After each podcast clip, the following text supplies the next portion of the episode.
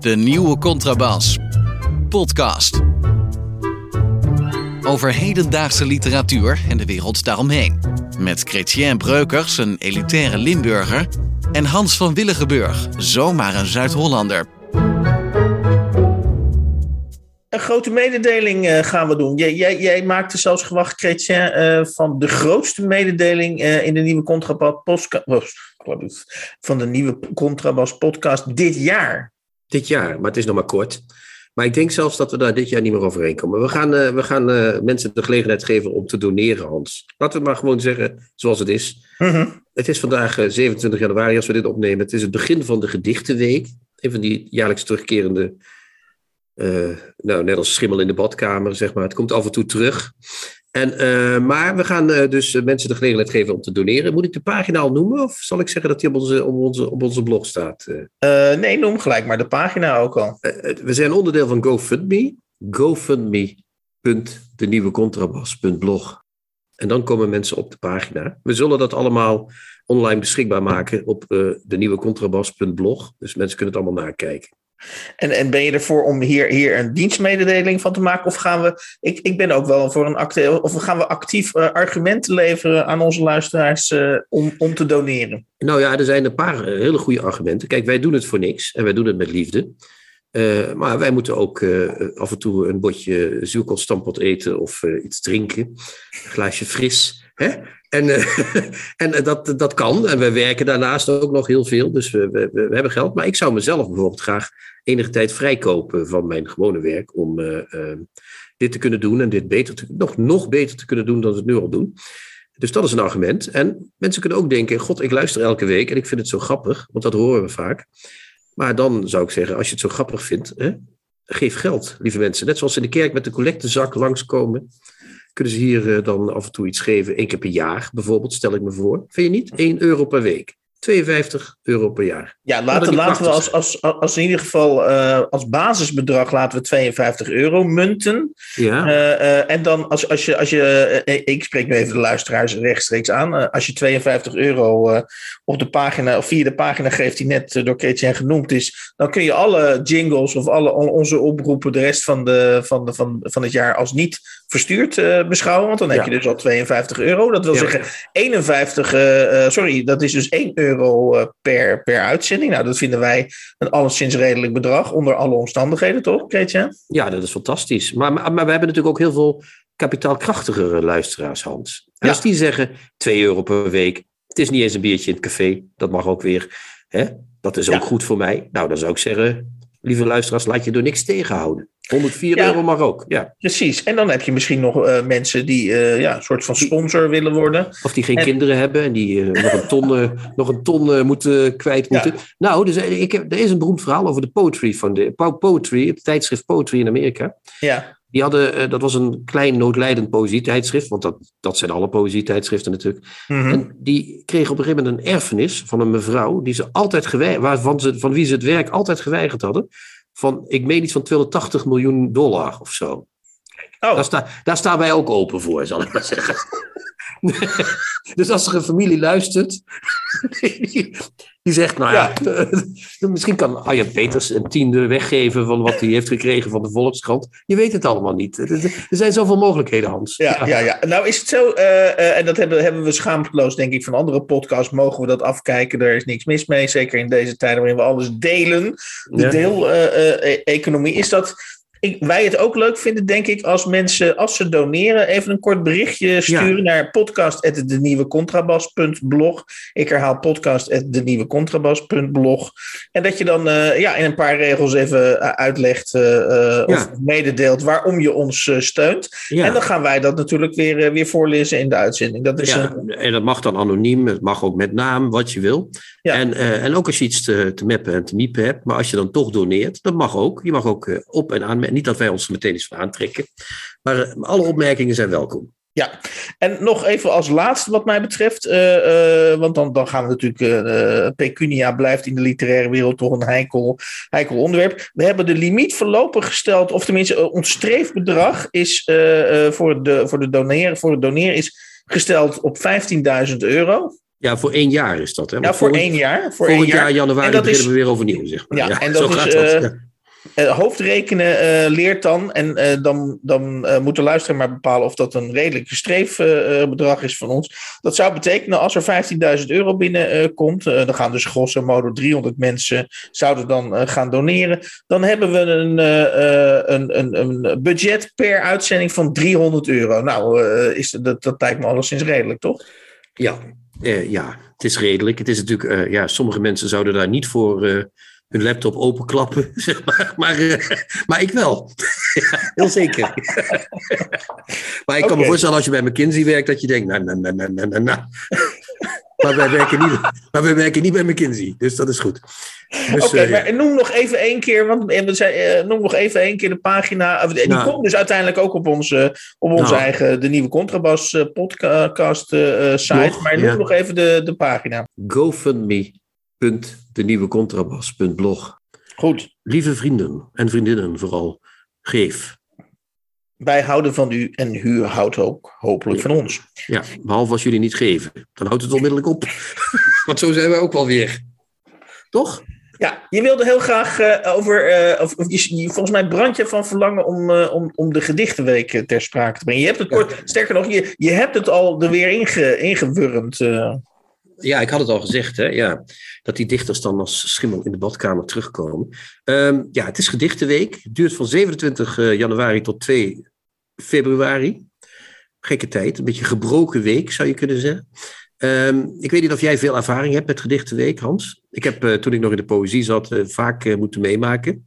Gedichtendag was het eerste, hè? En toen kwam er op Nee, het, is voor mij, het is voor mij net zoiets als, als ik op een boot eh, waar en in de verte ligt een eiland. En ik heb nog nooit eh, eh, zeg maar de aandrang gevoeld om dat eiland eh, die kant uit te varen. Dat is voor mij ongeveer de gedichtenweek. Oké, nou dan ben je een gelukkig mens, denk ik. Het is een soort, soort week waarin alle dichters uitzwermen over bibliotheken, buurthonken, boekhandels, gebouwen waar oude vandaag zich ophouden. Het is echt, alles en iedereen begint ineens iets met poëzie te doen. Het is echt Mhm. heel, eh, dus de poëzie wordt daar een soort... bijna als een soort, een soort coronastrategie. Dat je de dichters zeg maar op, eh, op, op flinke afstand van elkaar verspreidt.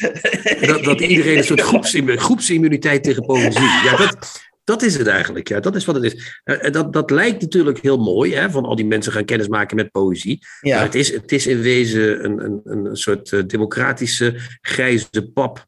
Die over, over, over die. de- de- de- het gekke is dat zo'n genre als poëzie, en Ronald Gippert had het erover in dat interview wat we met hem hadden laatst ook al ja. totale relevantie kwijt. Wordt bijna niemand meer gevraagd. Je hebt nog een paar dichters die wel eens gevraagd worden.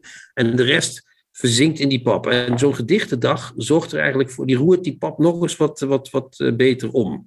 Dus er is alleen maar pap nog, zeg maar. En dat vind ik zo jammer van zo'n genre, wat heel, voor mij heel wezenlijk is, poëzie. Mhm. Dat daar, dat, dat zo, dat dat zo, zo wegraakt daardoor. En wat zou er, wat zou er eh, in jouw ogen, hè, want eh, geconstateerd hebben dat die pap eh, dan zeg maar een week lang over Nederland, een, een zekere zouteloze pap, begrijp ik van jou, eh, wordt, wordt Ja. uitgesmeerd. Maar wat, wat, wat zou er met die gewoon opheffen of, of zou er iets mee nog mee kunnen of moeten? Nou, er zijn ontzettende. De, de, het CPMB heeft daar budgetten voor. Hè? Dat, is, dat gaat uit van het CPMB. Dat is die, Mhm. die, die club die een propaganda voor het boek doet.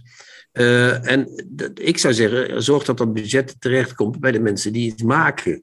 En dat ze iets kunnen maken. Niet, niet aan optredens, niet aan eindeloze lessen in, in, in klassen die daar toch niet op zitten te wachten. Gewoon zorg dat het bij de makers komt. Net zoals alle eh, kunstgeld bij makers moet komen. Of bij het publiek die dat kan zien. Maar niet, niet iedere keer al die leuke frutsels en fratsels, al die grappigheden, al die gedichten op muren. Ik heb in een stad gewoond in Utrecht, daar kom je om de drie meter een gedicht van Ingmar Heitz op een gevel tegen.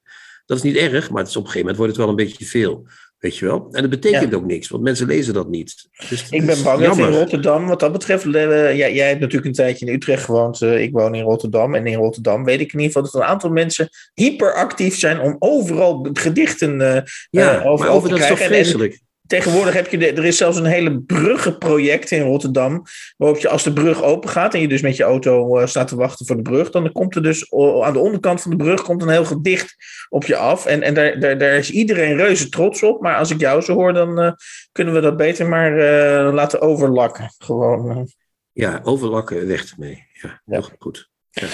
Dan, eh, eh, eh, ehm, werd ik getroffen. Dat, dat klinkt een beetje dramatisch, maar ik, ik, ik, eh, eh, ik, werd, ja, ik werd er echt door getroffen. Ik zag een nieuw boek van, daar kunnen we dus nog niks over zeggen, want het, het, gaat nog verschijnen volgens mij. Maar ik zag het op Twitter aangekondigd worden door Joris Luijendijk. Ik, ik ben een bewonderaar van Joris Luijendijk. Hij heeft een aantal hele goede boeken geschreven.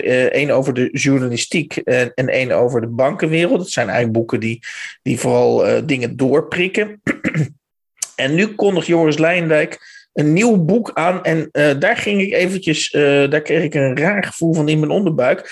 Eh, hij gaat een boek uitbrengen en het heet De Zeven Vinkjes. Ehm, nou, dan komen we zo wel bij die ondertitel, want die heb ik even niet paraat, maar die heb jij paraat. Hoe mannen zoals ik de baas spelen. Hoe mannen Sorry, zoals nog- ik de baas... Hoe mannen zoals zo- ik de baas spelen, ja precies. Ja, ja.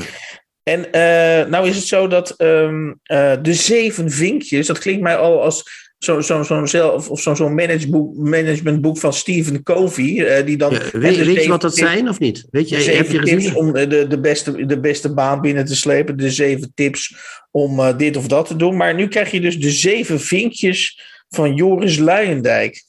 Ja, ik zag wat de vinkjes zijn. Zal ik dat zeggen? Of Ja, dat, ja, eh, zeg maar even. Ja, je moet vi- afvinken. Om, het- gaat over wie is in, aan de macht. Hè? Het zijn, dat zal je niet verbazen, witte mannen. Van een Mhm. bepaald opleidingsniveau, et cetera, et cetera. Je moet zeven vinkjes hebben om tot die bevoorrechte groep te eh, horen. Die volgens Luijendijk ondiscrimineerbaar is en sociaal onkwetsbaar. En die vinkjes zijn minstens één hoogopgeleide en of welgestelde ouder. Vinkje één, heb ik al niet.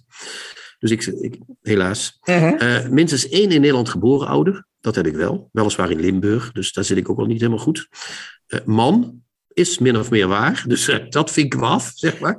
Dat vinkje neem ik ook mee, ja. Ja, hetero. Nou ja, ik vind op deze leeftijd moet je je eigenlijk niet meer druk maken over het geslacht van degene die nog met je iets wil. Dus, maar ik, officieel ben ik wel hetero, zeg maar. Eh, wit, nou ik zou eerder zeggen roze ben ik. Maar goed, oké, wit. Dat zijn drie vinkjes al. Gymnasium of VWO. Vier vinkjes. Universiteit, ik wel, maar niet afgemaakt. Jij? Ja, ik heb het ook afgemaakt. Ja, ja. Dus ik, ik, heb geloof ik zes van de zeven. Ik heb zes van de zeven vinkjes, geloof ik.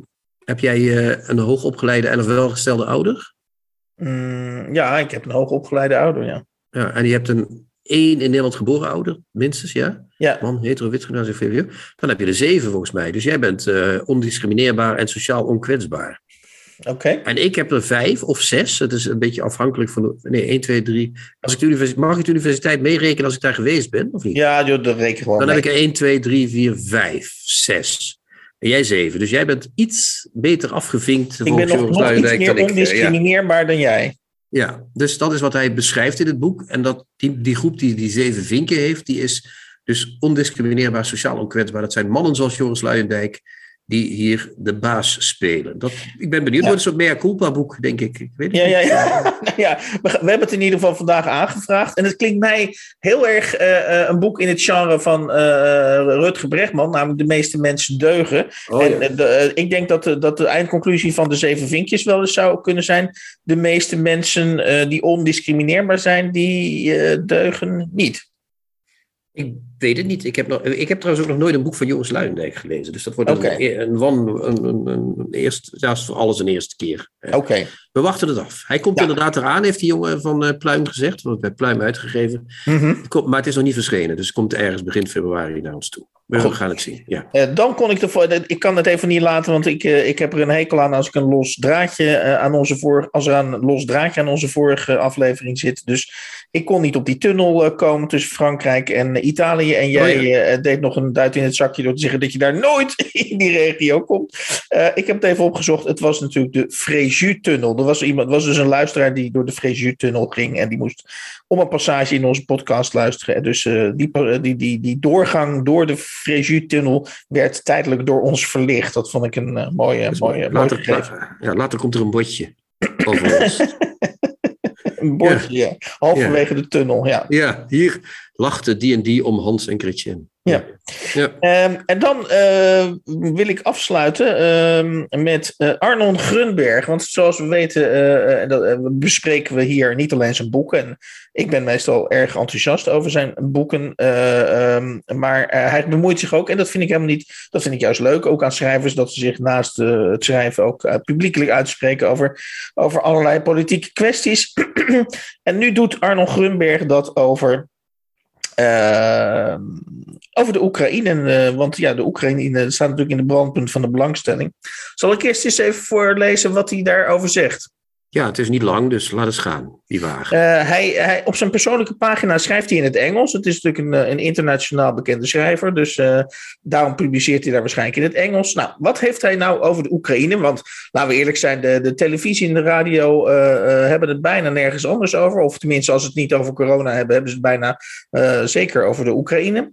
en Arno Gunberg heeft het volgende aan deze kwestie toe te voegen. No government in Europe wants to alienate, uh, hoe zeg je dat? alienate. Uh, sorry, alienate. alienate. Natuurlijk. No government in Europe wants to alienate. God, ik vind het een moeilijk woord. no government in Europe wants to alienate voters with much higher energy prices for Ukraine. It's not only that no European outside Ukraine wants to die for Ukraine, understandably so. Most Dutch people don't even want to die for the Netherlands. And again, understandably so. But they don't even want to pay 20 euros a month more for energy for the perseverance of NATO. My guess, a majority in Europe would rather live under a dictatorship than to pay fairly more for gas and oil. That's it. Ja, voordat we daar op die, op die analyse ingaan, namelijk uh, is, is dat een van Arnold Grunbergs. Ik weet niet of hij de uitvinder van het woord is, maar ik vind het wel een van zijn. Uh, hij heeft het in ieder geval veel gebruikt. En volgens mij heeft hij dat geïntroduceerd. Is het woord sneuvelbereidheid. Dat vind ik echt. Ja. Dat, dat, vind ik echt... dat is een mooi woord, maar dat heeft hij niet verzonnen, denk ik. Nee, nee, nee. Nee, dat heeft hij niet verzonnen. Maar dat is wel, wel de kern, denk ik, van, van, van, uh, van, uh, van de zwakte. Uh, of, of, van onze eigen angst, denk ik ook, richting Rusland en het Oekraïne-conflict. Nou, ik vind dat in dit stukje niet de kern. Hij doet alsof dat de kern is, weet je wel. Mm -hmm. volgens mij. Maar ik zie hier eigenlijk iets anders. Ik zie hier. wat, wat, wat Gunberg heel goed kan, is dingen tegenover elkaar zet, zetten. waarvan je eigenlijk denkt, ja, die hebben niet helemaal iets met elkaar te maken. En dat doet hij hier ook. Hij begint eerst te zeggen van, uh, hè, er dreigt daar een oorlog blijkbaar, hè, er is daar iets aan de hand. En uh, de meeste uh, mensen uit Europa die niet in de Oek Oekraïne wonen, die willen niet doodgaan voor de Oekraïne. Nou, dat, dat, begrijp, dat, ik denk dat hij daar geen punt heeft, ja. Ja, maar dat, dan, en dan zegt hij dat de Nederlanders zelfs niet eens voor Nederland willen sterven. Mm -hmm. En dat noemt hij dan ook... Understandably so, understandably so. Understandably so, heel mooi gezegd. Uh, but they don't even want to pay 20 euros a month more for energy for the perseverance of NATO. En daar komt volgens mij de, de, de crux. Dat zijn twee onvergelijkbare dingen. Uh, want hij doet hier net alsof er, het gaat om een verwaarloosbaar bedrag. Energieprijzen zijn sowieso al behoorlijk gestegen. Mm -hmm. En dan moeten ze er nog 20 op doen voor, uh, voor, voor de NAVO, om dat in stand te houden. En ik denk niet dat het sneuvelbereidheid, uh, dat dat iets is wat uh, te maken heeft met die bereidheid om te betalen. En dan komt hij weer met, en dat is heel Gunbergiaans, met die conclusie, dat een meerderheid in Europa uh, liever onder een dictator leeft. Dus met andere woorden, Rusland mag winnen en die mag hier ook binnenkomen. Ja. Dan, dan, dan dat ze 20 euro extra geven. En dat, is een, dat klopt binnen, zijn, binnen dit alineaatje alleen maar omdat hij dat zo in elkaar harkt. Maar dat, dat is niet waar wat daar staat. En dat is natuurlijk ironie, moet je dan zeggen. Mm -hmm. maar, maar het is ook niet echt heel erg uh, uh, diep nagedacht, vind ik, wat hier staat. Nou ja, de, de, de, uh, volgens mij is, het, is het punt dat hij doet hier heel geringschattend over 20 euro voor, eigenlijk. Ja, voor hem is dat misschien weinig, maar er zijn mensen die dat... Hè? Ja, 20 euro hier, 20 euro daar. Nou ja, en dat, ja. precies. En, en dat, dat valt een beetje in het beeld van uh, inderdaad, zoals je dat eerder zei, uh, schrijvers die hotel in, hotel uit uh, gaan. En inderdaad, zeg maar, het gepeupel, inderdaad, ja, hoe zullen we dat eens netjes zeggen? Maar laat het gepeupel maar sneuvelen dus. Hè? Dat is de boodschap van deze mededeling. ja, volgens mij is, dat letterlijk wat hij zegt. Van, kom op jongens, even sneuvelen voor mij. Want anders dan kan ik niet ik, ik wil hier niet in een, uh, onder een dictator uh, leven, dus dan moet hier gesneuveld worden voor Arno Gunberg. Sneuvelen voor Gunberg, is dat niet prachtig? Zou jij sneuvelen voor Gunberg? Ik wel, toch? Dat nou, ik, Dat je in de, in de loopgraaf zit in Oekraïne en dan gaat er zo'n fluitje. En dan met je bajonetje erop, zo ga je dan zo op het slagveld op en daar uh, boef. Twee minuten later is het afgelopen met de pret. Tips van de week. Boeken, artikelen of pamfletten die boven het maaiveld uitsteken. Enkelvoudig uh, dit keer. Uh, de rubriek heet tips, maar we gaan het dit keer over een tip hebben. Het is een, een, een lijvig boek, helemaal paars. en het luistert naar de volgende titel. Een duik in een vijver in de regen. En de ondertitel is ook behoorlijk lang waarin vier Russen een masterclass geven over schrijven, lezen en het leven. Ehm, het is een, uh, uh, ik geloof dat uiteindelijk, ik ga even het boek in kijken, hoeveel, hoeveel uh, er worden uiteindelijk 1, 2, 3, 4, Zeven 5, verhalen zijn het, ja. Zeven verhalen worden... Ja, van Tsjechov, Turgenev, Tolstoy en Gogol. Dat zijn de vier uh, ja. grootmeesters die. Uh, en als, die als, als ik zeg die worden door George Saunders besproken, dan klinkt dat heel nonchalant en dan klinkt dat uh, alsof, alsof hij op een achternamiddag even wat besproken heeft. Maar dat is het nou net niet. Hij, nee, hij bespreekt nee. ze niet alleen. Maar wat, wat doet hij met die zeven verhalen, hij, hij, heeft, hij is professor creative writing, is hij. In Syracuse, de universiteit. Ja, ja, ja, ja, beroemde universiteit. En uh, met die, die zeven verhalen, die bespreekt hij niet alleen, maar hij geeft uh, min of meer in het boek uh, een soort schrijfles met die verhalen als achtergrond.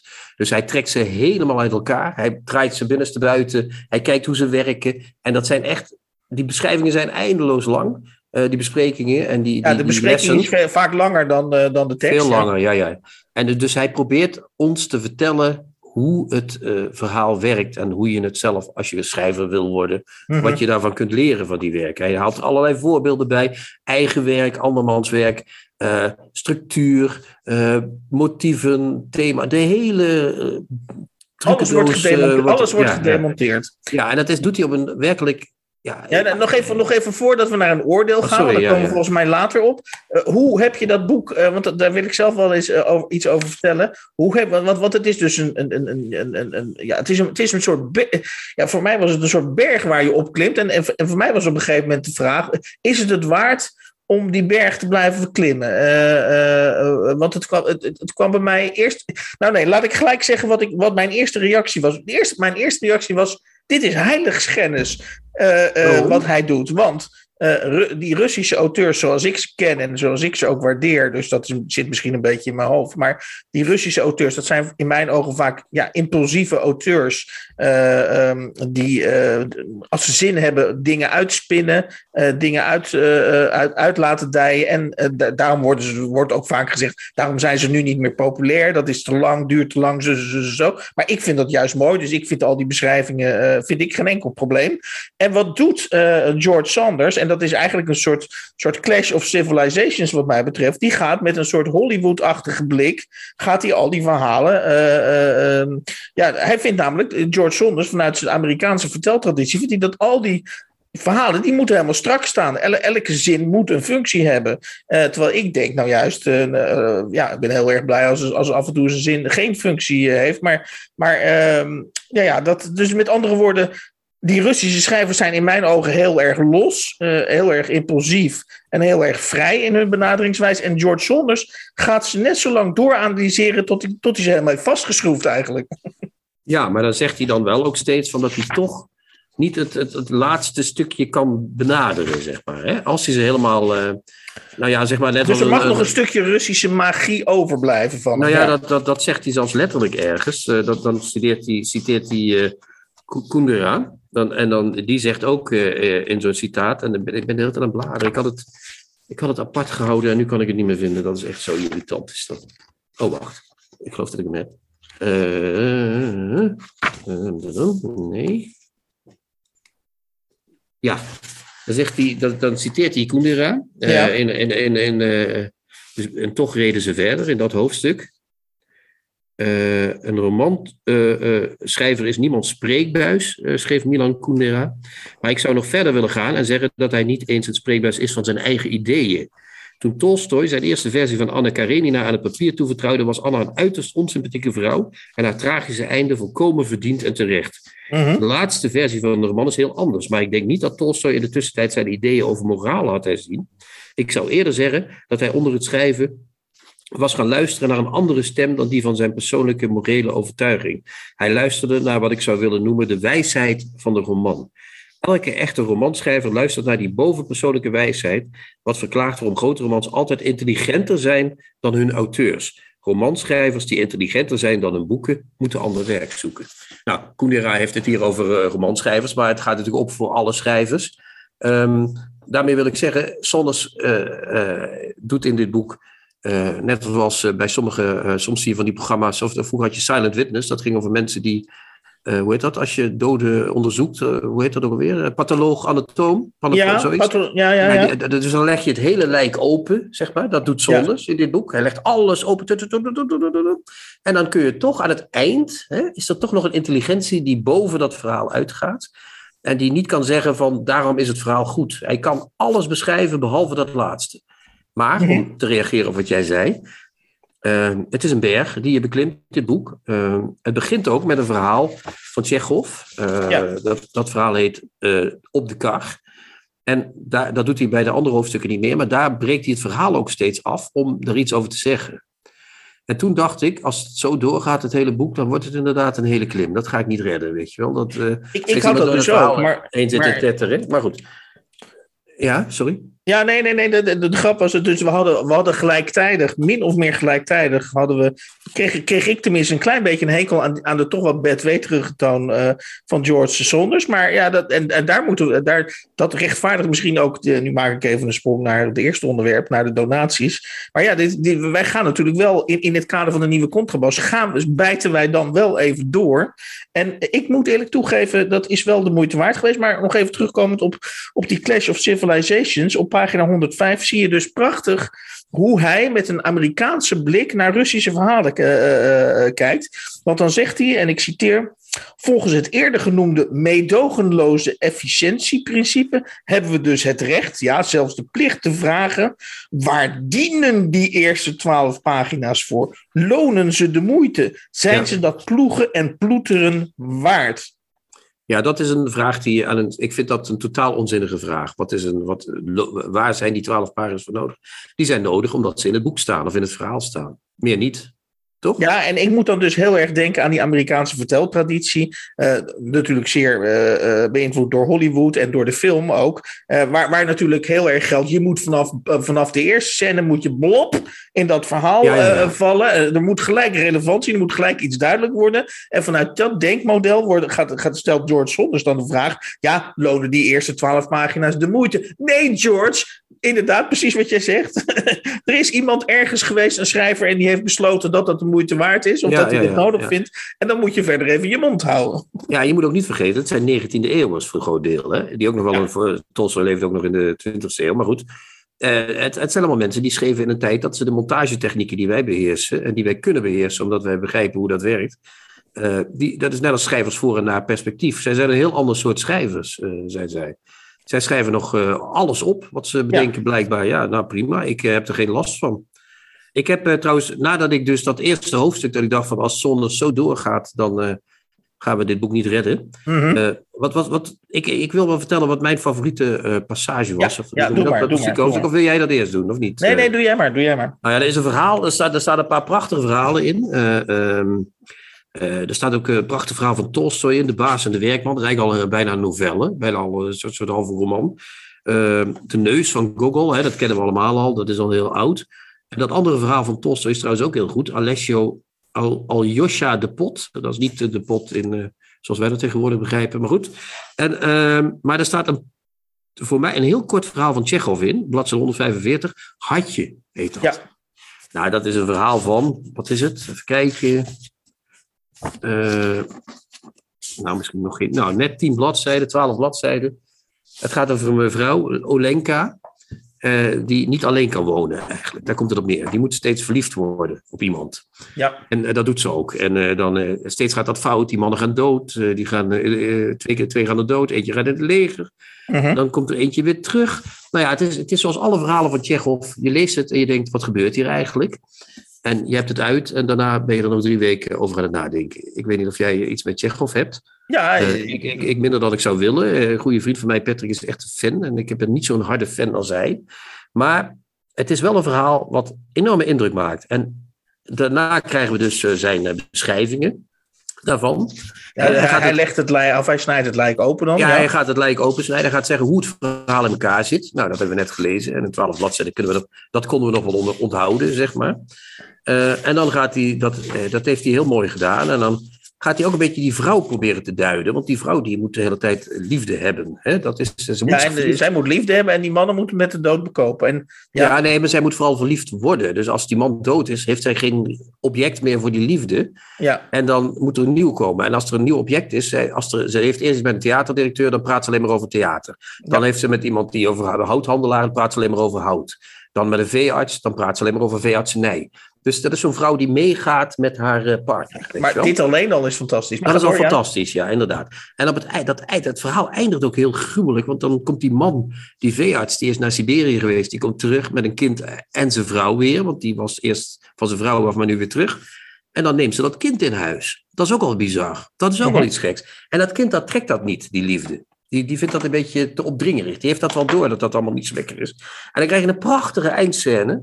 Eh, dan krijgt hij, eh, dan de moeder, die zit ergens anders, het, in Kharkov. Eh, ik, ik ken de kaart van Rusland niet helemaal, maar goed. Ligt in, eh, in het huidige Oekraïne. Ja. Oké, oh, dat, dat is nu bijna oorlog, dus wat fijn. Ja, Ja. nee, niet fijn natuurlijk, maar goed. Ehm, maar wat actueel, ja. En dan, begint ze, dan krijgt ze een telegram dat, dat, dat, dat die Sasha, dat is dat zoontje, die moet terugkomen. Die moet naar haar moeder komen. Dus dan, eh, ze is wanhopig. Haar hoofd, voeten, handen worden koud en ze vindt zich de ongelukkigste mens op aarde. Maar er gaat nog een, min- nog, eh, maar er gaat nog een minuut voorbij. Ze hoort stemmen. Het is de veearts die thuiskomt van de club. Gelukkig, goddank, denkt ze.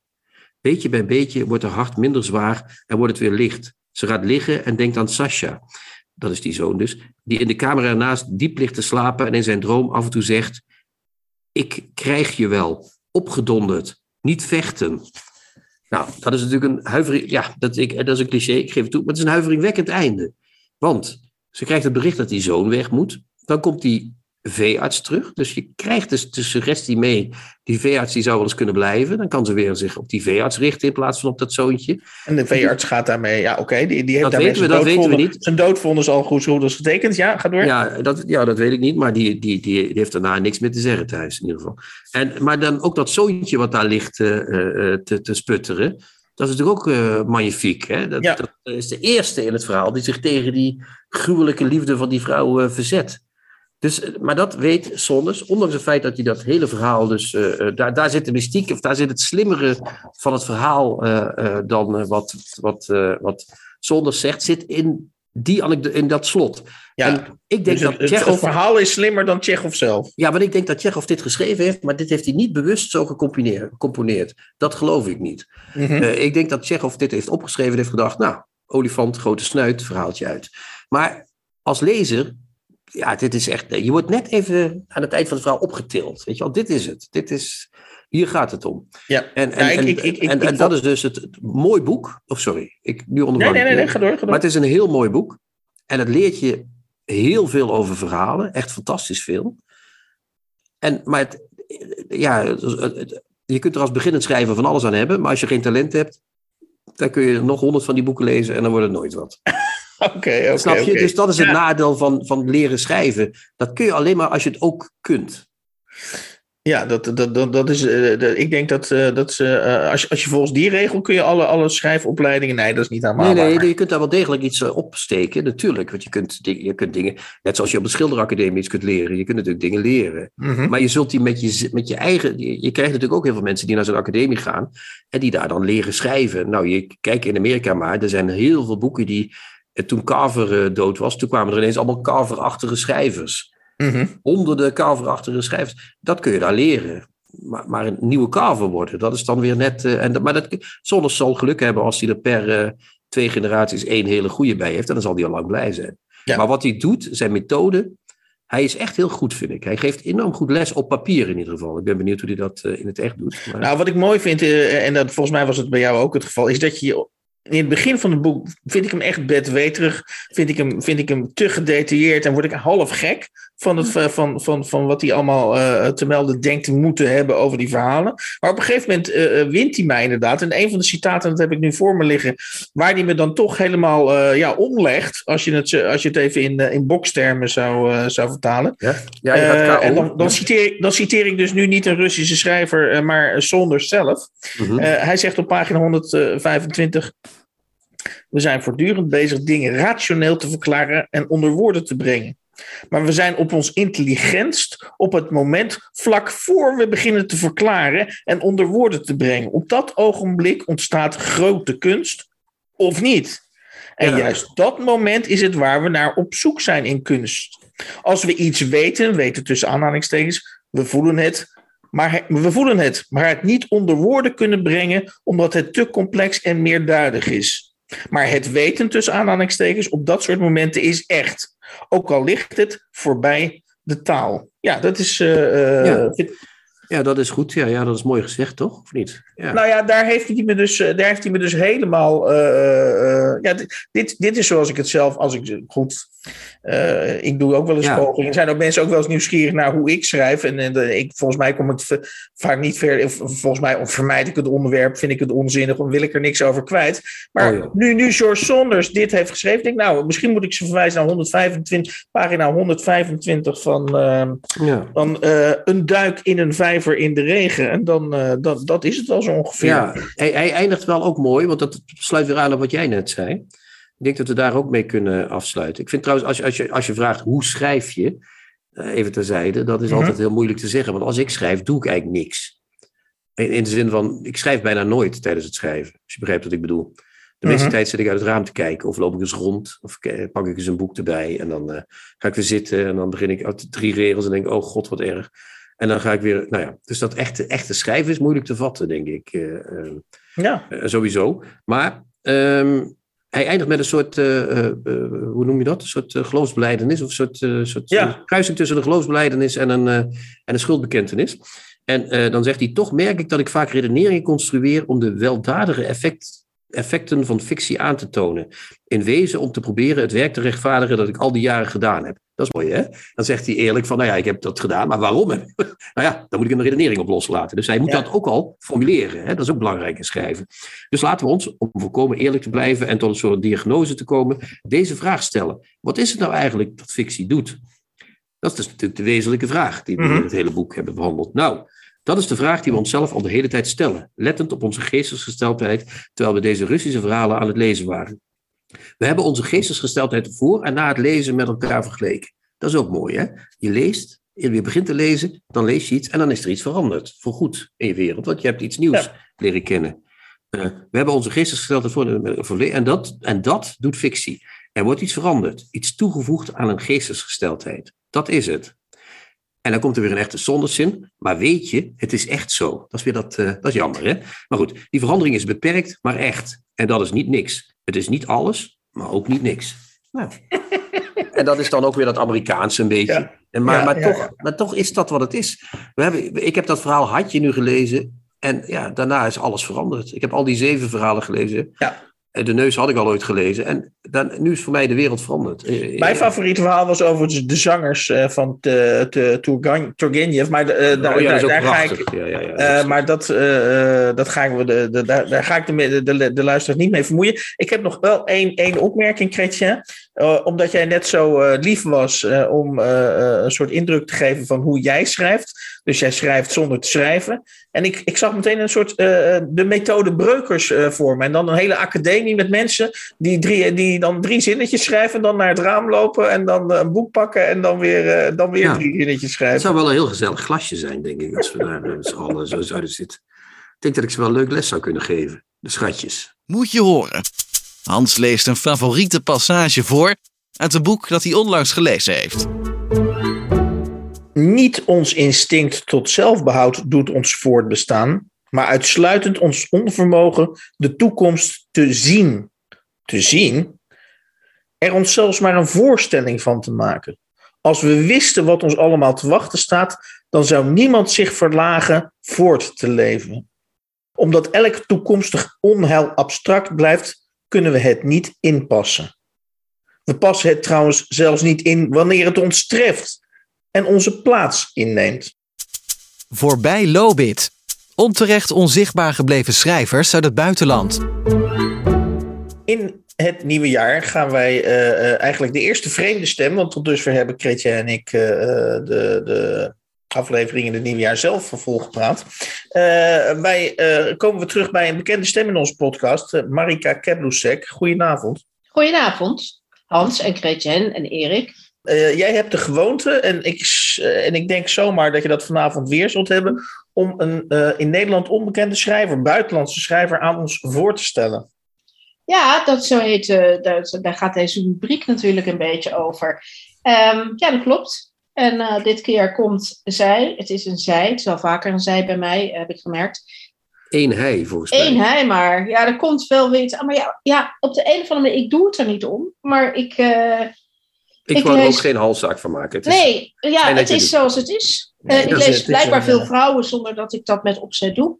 Ja, dit keer komt de zij, uh, Leanne Shepton, uh, komt uit Canada. Dus dat is aan de andere kant van heel veel water, zullen we maar zeggen. Mm -hmm. gedachtig aan Lobit. En um, um, ja, zij komt uit Canada, is eind 40, geboren in 73 en is schrijver, maar wel een hele bijzondere schrijver, vind ik. Kunstenaar, uitgever, was art director. Nou, een heleboel interessante dingen. En heeft ook, en dat speelt ook wel een rol, heeft in haar jeugd um, bijna meegedaan. Ze heeft uh, uiteindelijk niet, is door de voorronde, zo voor dat heet, gekomen aan uh, Olympisch zwemmen. Dus ze is bijna op de Olympische Spelen terechtgekomen. En dat speelt ook wel een rol in een van haar boeken, vandaar dat ik het meld. En nog even kort, nog even kort Marika, hoe, hoe kies jij nou, nog even los van de uiteindelijke keuze, maar hoe, wanneer, waar moet de schrijver voor jou aan voldoen voordat je hem in de, denkt van nou, dat is iets voor de nieuwe Contrabas podcast? Nou ja, we hebben het er wel over gehad. Het zijn in eerste instantie, maar er zijn natuurlijk heel veel van, schrijvers, auteurs die niet of nauwelijks vertaald zijn in Nederland. Um, en die ook al niet 100 jaar dood zijn. Tenminste, dat probeer ik uh, ook wel een beetje in de gaten te houden. Um, ja, uh, ik mag het niet zeggen, want daar, dan, dan gaan jullie gillen terecht. Een uniek geluid, maar dat ja. is natuurlijk heel erg vreselijk. Ja, met, uniek, uniek. Met ja. uniek proza en unieke met uniek poëzie. Proza. Nou, precies. Nee, ja, maar wel of een, ja, het zijn ook van die dingen op een eigen stem. Maar zij, het, het, um, uh, schrijvers waar ik um, om verschillende redenen trouwens hoor, uh, mm-hmm. maar heel erg door geïntrigeerd ben. En uh, zo dat ik onmiddellijk alles van ze wil lezen en alles wat komt ook ga lezen.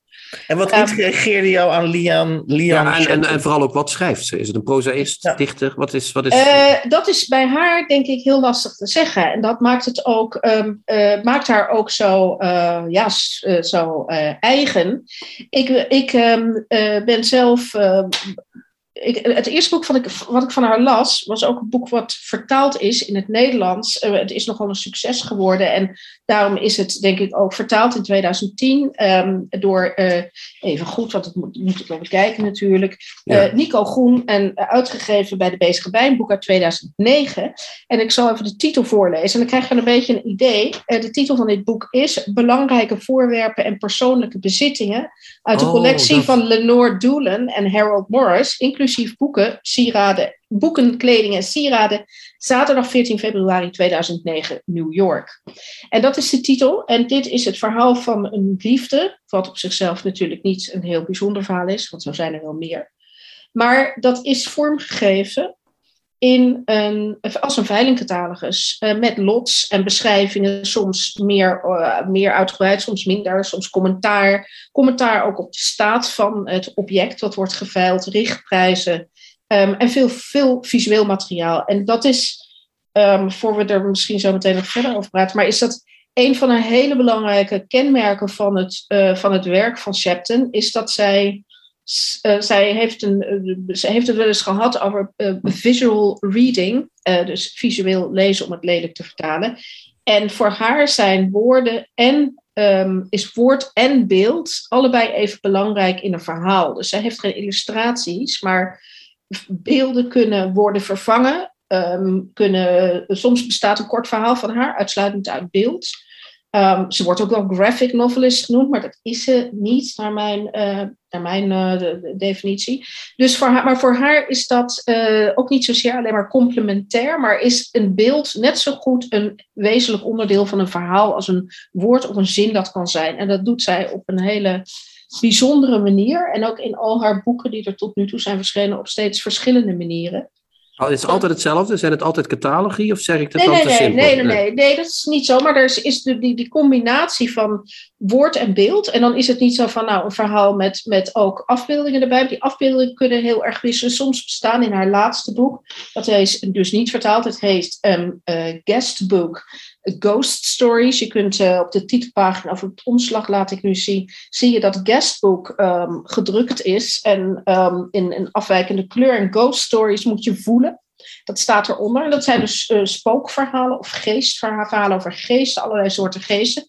Ja, en soms zijn die verhalen uitsluitend uh, door middel van um, niet becommentarieerd beeld. Soms uitsluitend in, in, in tekst. Um, en is heel het ook vaak echt een gastboek, een gastenboek? Dat mensen iets in dat gastenboek Nee, het is geen gastenboek, maar de gasten zijn de niet geziene gasten. En dat zijn natuurlijk de, de geesten die om ons heen zijn op allerlei manieren. Zou je nou kunnen zeggen dat zijn heel, dat zijn, dat is een te makkelijk woord misschien, maar Ja, uh, een experimenteel schrijven, hebben we dat hier uh, bij de kwadden? ja, nou ja, zo zal je het noemen, omdat zij natuurlijk hele nieuwe... schrijven? Ja. omdat zij hele nieuwe vormen kiest. Zij heeft ook een boek geschreven uh, dat heet um, uh, Swimming Studies. En dat is een, een, memoire, maar dat is ook, dat gaat dus over haar um, tijd um, als haar herinneringen aan haar. Aan, ik moet zeggen, niet zozeer aan de tijd dat ze zwom, maar vooral herinneringen aan zichzelf toen ze nog uh, zwemster was. En dat doet ze ook door middel van tekeningen, foto's van haar badpakken. Um, er is een hoofdstuk dat heet 14, ik vertaal even 14 geuren waarbij ze ook uh, die geuren omzet in, um, in kleuren. Hmm. Um, maar die geuren dus beschrijft. Dus bijvoorbeeld uh, nummer 13 uh, luidt al dus, opnieuw vertaald, vingernagel, dubbele punt, chloor, um, barbecue smaak, chips en wollen wand. Nou, en, hoe heet dat ook alweer dat je meerdere zintuigen door elkaar haalt? Uh, dus, uh, dat ze dus geuren hebben ook kleuren en, en namen. En, ja, dat heeft een naam, daar hebben we het al eens over Synthesisie of zo, zoiets. Nou ja, anyway, dat heeft zij dus nou ook. Ja, zij dat, haalt, nou ja, nee, dat doet ze in één hoofdstuk. En nogmaals, er is dus ook een, een hoofdstuk met uh, allemaal foto's van haar, van alle badpakken die zij heeft gehad. Ze heeft ook nog wel iets met kleren. Um, maar daartussendoor ook, um, ja, zou je zeggen, conventionelere stukken over uh, de reizen die ze maakte um, uh, met haar vader naar training, maar ook uh, werk van haar, dus grafisch werk. en al dat werk samen is dus de memoire. Dus het is niet zo van, nou, die padpakken staan er leuk bij als een grapje of wat dan ook. Dat is wezenlijk onderdeel ja. van het verhaal, of in dit geval die, ja, die autobiografische uh, geschiedenis die zij vertelt. En, Waarom werkt het bij haar ja, om, om, om woorden en beelden min of meer uh, uh, gelijke status te geven? Ja, dat is een hele goede vraag. Um, daar heb ik ook wel over nagedacht. Omdat het is A, nou ja, dat, jullie weten inmiddels dat ik daar totaal niet tegen kan. Als iets bedacht is, hè, als het een soort gimmick is, dan haak ik onmiddellijk af. Het is. Um, dat doen voelt... wij nooit aan, aan gimmicks. Nee, maar grapje. Ga nee, door, ja. maar goed, weet je, je kan ook zoiets hebben. Iemand, iemand die denkt van, nou leuk, ik ga een boek maken, maar, maar dat doe ik dan zo. En dat voel je op de een of andere manier. Dat er geen. Bij haar voel je ook dat het. Uh, volstrekt, dit is de manier waarop dat boek moet zijn. Ja. En, en dat, ja, dat is heel moeilijk. We hebben het net uh, met Saunders, we hebben Saunders besproken, dat boek over Russische Ja. verhalen. Ja. En daarin citeert hij Kundera, die zegt dat de roman is slimmer dan de schrijver. Dus als je merkt dat dat het geval is, is het goed. Ja, maar. dat, dat is het. Nou ja, goed, of je het allemaal romans, maar ik, ik, ik snap wel wat je bedoelt. Dit is haar, um, dit is haar vorm. En nogmaals, ik vind, ik vind het heel intrigerend um, uh, dat zij uh, voor haar het volstrekt duidelijk, het is dus voor de lezer, of ja, de kijker eigenlijk, volstrekt duidelijk dat, um, dat voor haar afbeelding, of ja, dat is het verkeerde woord, maar beelden en woorden. Um, uh, Op dezelfde niet hoogte staan. Ja, precies. Ze zijn niet inwisselbaar, maar soms druk je iets uit met een beeld en soms druk je iets uit met een woord. En nog even aanhakend op wat Hans dan vraagt. Ook is, zij is ongelooflijk knap. En dat, dat werkt dus heel goed in die veilingcatalogus, waar ik hier de Nederlandse vertaling van heb. Misschien mag ik zo een stukje voorlezen. Ehm, eh, werkt het, zij kan ongelooflijk goed in een paar woorden iets oproepen. Of dat nou gaat om een persoon of een voorwerp. Ze heeft echt duidelijk iets met voorwerpen.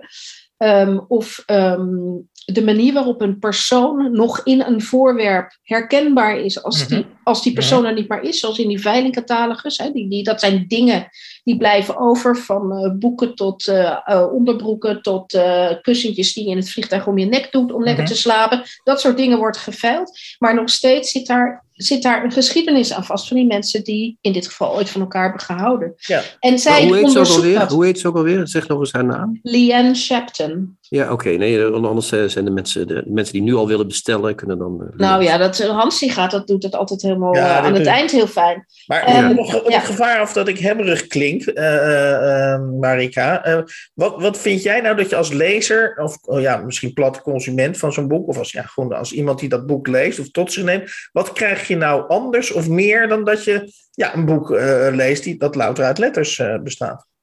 Het is nog niet eens zozeer in de woorden en de beelden die je krijgt.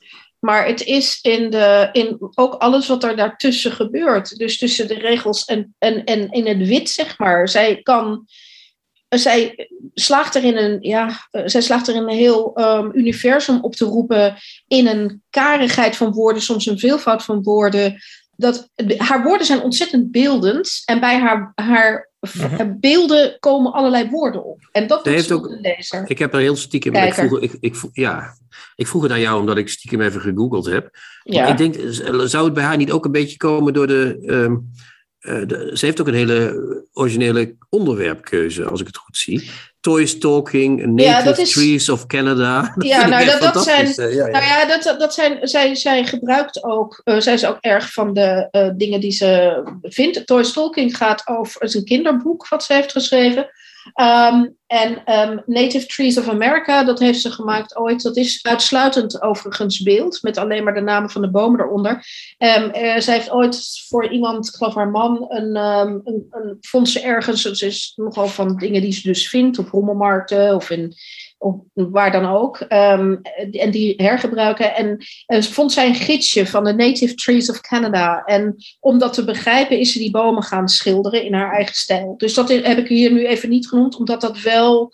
Nee, maar daar ging het mij ook niet om. Maar ja. het ging om de originele onderwerpkeuze. Die heeft Ja. ze dus wel degelijk. Dus Ja, daar zit ook misschien nog een meerwaarde in om Hans zijn vraag nog even terug Ja, te en, en tegelijkertijd is zij ook in haar thema's, als je die kan zeggen, is zij heel consistent. Hoe uiteenlopend ook. Want althans, zoals ik het lees, gaan die boeken, wat ik zei het al, ze is zeer gefascineerd door voorwerpen en ook heel erg door kleding. Ze heeft meegewerkt overigens aan een boek, of, of is mede redacteur geweest van een boek, wat ook vertaald is in het Nederlands. Ik geloof, ik weet niet precies hoe het heet, maar het heet Women's Clothes. Dus eh, vrouwen en kleren heet het, geloof ik. En eh, daar heeft zij aan meegewerkt. Ze is ehm, dus, de- de- daar dus erg door geïntrigeerd. Ehm, dat is niet, bedoel ik niet als een soort thema, als meer motief, maar zij is heel duidelijk. ehm jaloezie is een enorm belangrijke drijfveer in haar werk. Eh, ze- jaloezie met name in liefde. eh, relaties en het ophouden van relaties. En daar volgt natuurlijk uit de herinnering. Dus in haar eerste boek, dat is dit, dat heet Was She Pretty? Dat is dus de vraag die elke ex, eh, ex of elke vriendin vraagt aan haar nieuwe vriendje over de ex-vriendin. Dat is Dan een, moet je een- ook nooit ja zeggen. Nee, dat is een catalogus van exen. En die omschrijft ze. ehm, eh, die omschrijft ze, ze omschrijft een persoon of de ex van een persoon in drie of vier zinnen. En onmiddellijk weet je wie. Het is heel komisch soms, het is heel droomkomisch, maar onmiddellijk weet je wie dat is. Ik Ik geef heb, wel er, zin, ik heb wel zin in een ex dan. Eh, je hebt dat wel ik zin, hè? Dat, dat vermoedde ik al. En, dan, en soms, en dat is een heel, ex. Ja. Soms is het heel grappig, omdat die exen dan ook weer elders in het boekje terugkomen. Het is niet heel. ehm, ja, kom maar. eh, Carl's, eh, ik sla dit open. Carl's ex-girlfriend was Sheila. They'd had a heavy relationship in high school and made sure they kept in touch throughout their lives. They sometimes find themselves in the same Midwestern city for business. Nou ja, dat vind ik een verhaal. Ja, Of, ja, ja normaal eh, een andere schrijver zou meteen zeggen in welk hotel ze dan logeren en zo. Maar zij Ja. zegt het meteen, zo zegt ze het goed. Ja, ja. ja, ze mooi. zegt het. ze- ze zegt- Economisch geschreven, ja, prachtig. Ja. Ik Ja. heb nog, ik heb nog eh, eh, één vraag die me, die me intrigeert. En dat is dat je zei dat haar eerste boek in het Nederlands, eh, met die hele lange titel, eh, eh, dat, die, dat dat een succes was. Ik weet niet wat jij eh, onder succes verstaat, maar goed, dat doet even niet toe. Nee, maar in, Can- als het- in Canada een succes. Ja, in, in, in het Canada een Engelstalige taalgebied. Ja, was een Oh, enorm oké, succes. oké. Ja. Niet Maar hier, want het is verramst namelijk. Nee, nee, nee, hier niet. oh, Eh, niet. hoewel op de achterflap staat dat het parool eh, noemt, eh, dit is een, het exemplaar, de VPRO-gids zegt fascinerend en uniek. Pieter Stijn zegt een volstrekt oorspronkelijk liefdesverhaal dat ontroert, verrast en de lezer zal bijblijven. En het parool wonderbaarlijk verslavend. Nou ja, je doet het er maar mee, maar ehm, het he- is hier niet zo aangeslagen. Ja, daarom komt ze nu hier langs. En daar eh, komt ja. ze nu, eh, ja, precies. Ja, eh, in het Duitse taalgebied is zij, zijn al haar boeken vertaald, zag ik eh, tot mijn eh vreugde. Oké, nou, Enige vreugde, ja. Duitsland, Nou ja, wij- wij- Duitsland, Duitsland achterna Nederland. Ja. Nou ja, Marika, als ik een Nederlandse uitgever was, ik mag het allemaal niet zeggen. Iedereen begint geïrriteerd met de handen te wapperen als ik dat doe. Ik Dan was er zou ik, niet. het, dan zou ik, nee, nog niet. Maar dan zou ik het wel weten. Ik weet bij God niet hoe, maar mij heb je, heb je overtuigd dat, dat, eh, dat ik dit moet Nou kijk, daar ben ik gaan, op uit, eh, Hans. gaan, gaan bekijken. Of oh, ja, bekijken en lezen dus. Ja, oké. Ja. Dan wil ik nog, Ja. tot slot nog één ex. Wil ik nog. Nee, Oh, want ik wilde wat voorlezen in Oh ja, het Nederlands uit die, uit die veilingbetaler. Ja, kan ook, kan Nou heb ook, ik een ja. vertaling en dan kan Ja. ik eh, voorlezen. ja, laat komen, laat komen. Kijken of je net zo mooi Nederlands kunt voorlezen als Engels. hè? Oh ja, god krijgen we dat. Ehm, nou, wat zal ik eens voorlezen? Ehm, ik wil dan een, eh, één bladzij eh, voorlezen als het mag. Dus verschillende soorten, want anders gaan jullie misschien roepen, ja, dat is heel saai. Of dat is heel, eh, ja zeg, dat... nou ja, goed. Begin maar gewoon. Ik begin met lot 1241. Dat is een, ik lees het voor. Lot e- 1241. Bemelmans, Ludwig Mason, Betty. Nou komt de beschrijving. The Woman of My Life van Ludwig Bemelmans, Hamish Hamilton, 1957. Dinner, Step Wait van Betty Mason, Doubleday Co., 1957, gebonden eerste druk. In goede staat, enkele scheurtjes in het stofomslag. In het tweede boek zit een zelfgemaakte verjaardagskaart van Morris voor Doolin. Morris is de man in dit geval, voor Doolin is de vrouw. Met de tekst: Viooltjes zijn rood, rozen zijn blauw, komt puntje bij paaltje, ik hou van jou. Fijne verjaardag, boterbips, liefs, hel. Eveneens aangehecht is een origineel lint met kaart van Jane Stubb Books in Bergdorf Goodman. Verschillende afmetingen, 50 tot 100 dollar richtprijs. Mhm. Lot, en dan eh, nog een lot, 1243, een platenspeler. Een draagbare platenspelermerk Vestex Handy Tracks. Kap enigszins versleten met op de buitenkant stickers van verschillende reisbestemmingen. 26 bij 36,8 bij 10,2 centimeter. Richtprijs 20 tot 30 dollar. En aantekeningen hierbij van de veilinghouder. Hè, in kleinere lettertjes. Tot het lot behoort een door Doelen genomen foto van Morris met de platenspeler tijdens een picknick. Morris draagt een hoed uit lot 1228. Mm. Ja, prachtig. Je zou Ja. bijna begrijpen dat, je zei net, jaloezie speelt een rol. Dat obsessieve zit ook al in Ja, die beschrijving. hè? absoluut, ja, ja, ja, ja, absoluut. ja, ja, ja. Ja, nee, dat is, dat is obsessief. En, en ik moet zeggen, ik, eh, eh, nou ja, ik hou zelf erg van veilige catalogie, maar dan de, zeg maar de echte veilige catalogie, maar de catalogus als vorm. Ehm, maar ik heb dit gelezen echt in één zitting ook. En ik lees er ook vaak in terug, gewoon omdat het zulke, het is ook heel goed gedaan. Maar het is ook enorm ontroerend. Je weet niks van die mensen, behalve de dingen die in hun leven zijn geweest. En de hele film loopt door. En, en Ja. vanaf het begin tot dat heel ontroerend is tot het eind. Het is echt een prachtige rom- liefdesroman.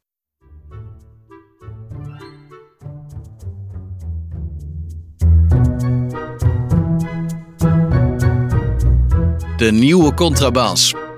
Podcast. In de 47e aflevering van de nieuwe Contrabas podcast eh, kwamen voorbij het boek Een duik in een vijver in de regen van George Saunders. Een eh, ja, eh, extensieve uitleg bij zeven klassieke Russische verhalen. Eh, het boek is verschenen bij eh, De Geus en is vertaald, eh, ja, ik mag wel zeggen, impeccable vertaald door Erik Bindervoet en Robert-Jan Henkes. Een illuster duo in de vertalerswereld.